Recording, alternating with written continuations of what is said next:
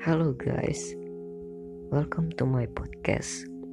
But first, I want to say good morning, good afternoon, good night for all of you guys that listening my podcast.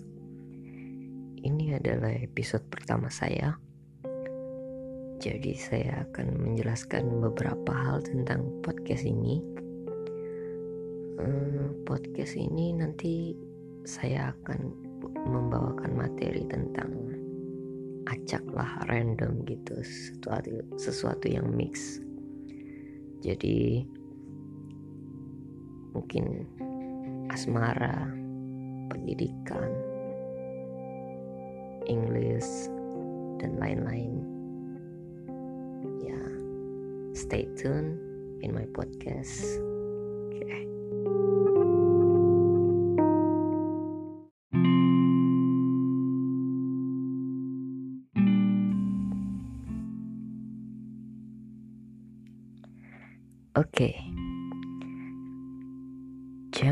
berubah karena cinta.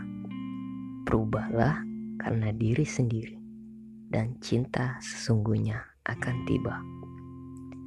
Hello, ladies and gentlemen, kita bergerak karena sebuah sugesti.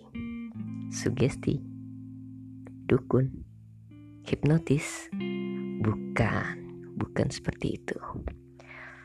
Sugesti lebih gampangnya pengertiannya adalah pengulangan sebuah kalimat yang dipercaya sampai menjadi sebuah kenyataan. Oke, masih nggak ngerti ya? Oke, kita simpelkan lagi gini. Anda mempercayai sebuah kata yang seolah kata itu menjadi bagian dari diri Anda sendiri. Masih bingung? Kita simpelkan lagi. Simpel lagi nih. Anda mempercayai kata bodoh. Dan Anda mempercayainya ada pengulangan kata di otak Anda. Semakin Anda percaya bertahun-tahun lamanya dan apa yang terjadi menjadi sebuah kenyataan bahwa Anda memang bodoh. Jika Anda mempercayai kata jenius seolah Kata jenius itu adalah salah satu bagian dari diri Anda yang bahkan itu seolah seperti Anda. Anda mempercayai bahwa jenius itu jelas Anda. Dalam otak Anda, aku itu jenius. Pengulangan pun terjadi menit demi menit, jam demi jam, hari demi hari, sampai tahun ke tahun bahkan seumur hidup. Hasilnya, Anda menjadi orang jenius. Ini terlihat simpel dan sederhana, tapi kenyataannya kita memiliki ratusan, bahkan ribuan kata pengulangan yang menjadi sugesti diri sendiri. Kata itu menjadi Anda.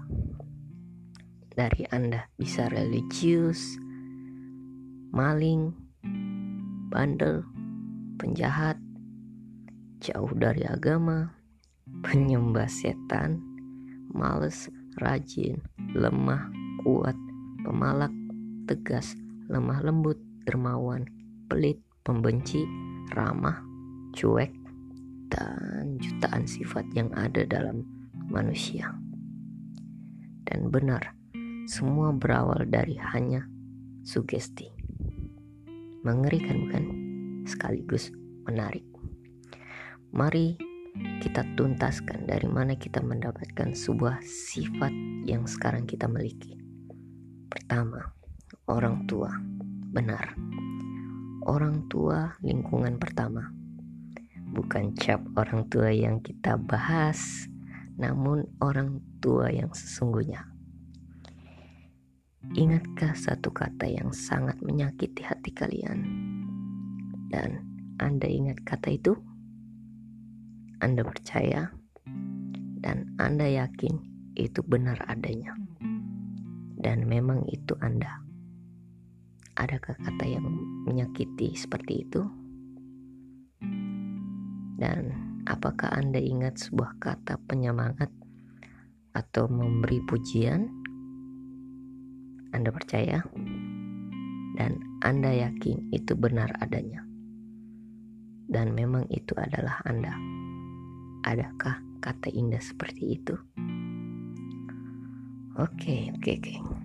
Barangkali Anda tidak ingat karena kita masih balita atau masih SD yang tidak mengerti maksud kata itu. Tapi otak kita paham apa maksudnya. Yep, amazing, but not the best is our brain.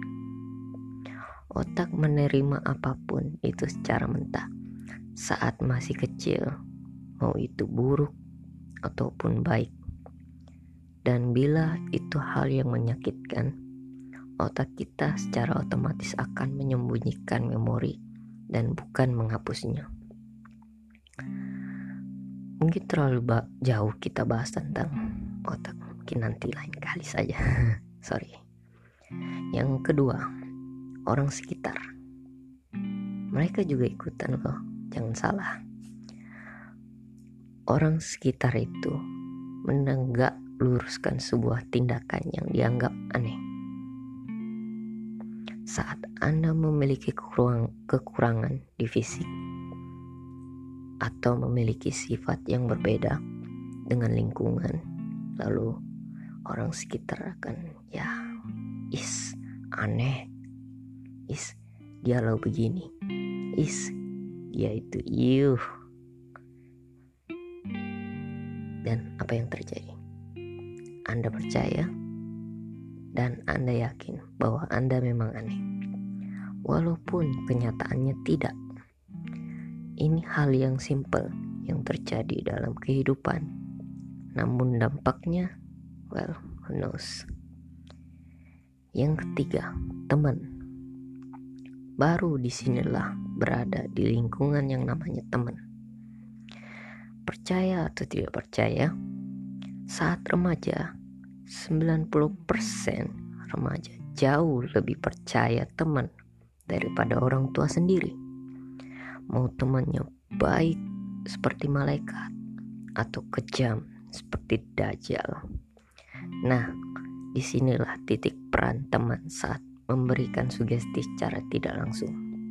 Misalnya begini, bro, lu nggak ada skill ah, cemen ngerokok itu jantan bro lu bukan cowok kalau belum minum bir yo oke satu lagi orang rajin beribadah itu nyaman di hati berbagi ke sesama itu hal yang indah cuk menolong itu tindakan mulia bro oke mau dia baik mau dia buruk secara tidak langsung sugesti itu akan masuk ke Anda.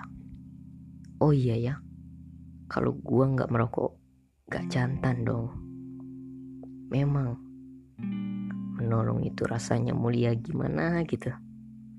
Inilah sugesti. Oke, lingkungan. Mulai dari YouTube, Facebook, sosial media, media TV, iklan, masyarakat, hal semuanya adalah sugesti. Tidak percaya? Oke. Pertama, menjadi psikopat itu keren karena Anda bisa menjadi seperti Joker. Yang kedua, ayo subscribe supaya tidak ketinggalan infonya. Ini yang favorit. Apa pun minumannya, teh botol sosro minumannya. Haha. Yes, semuanya adalah sugesti. Bahkan lucunya sekarang nih ya, kalau nggak makan nasi itu nggak kenyang. Percaya bahwa ini adalah sugesti dan terjadi pada Anda yang makan 10 burger tuh namun masih lapar namun makan sesuap nasi kenyang seharian apakah itu Anda? baik busuknya sebuah sugesti, sugesti tetaplah menjadi sugesti. Ia adalah satu faktor penting yang membuat kita memiliki sifat, sifat dan sikap. Sekarang, apa sugesti yang Anda miliki? Apakah Anda mulai sadar? I'm Marco. Peace.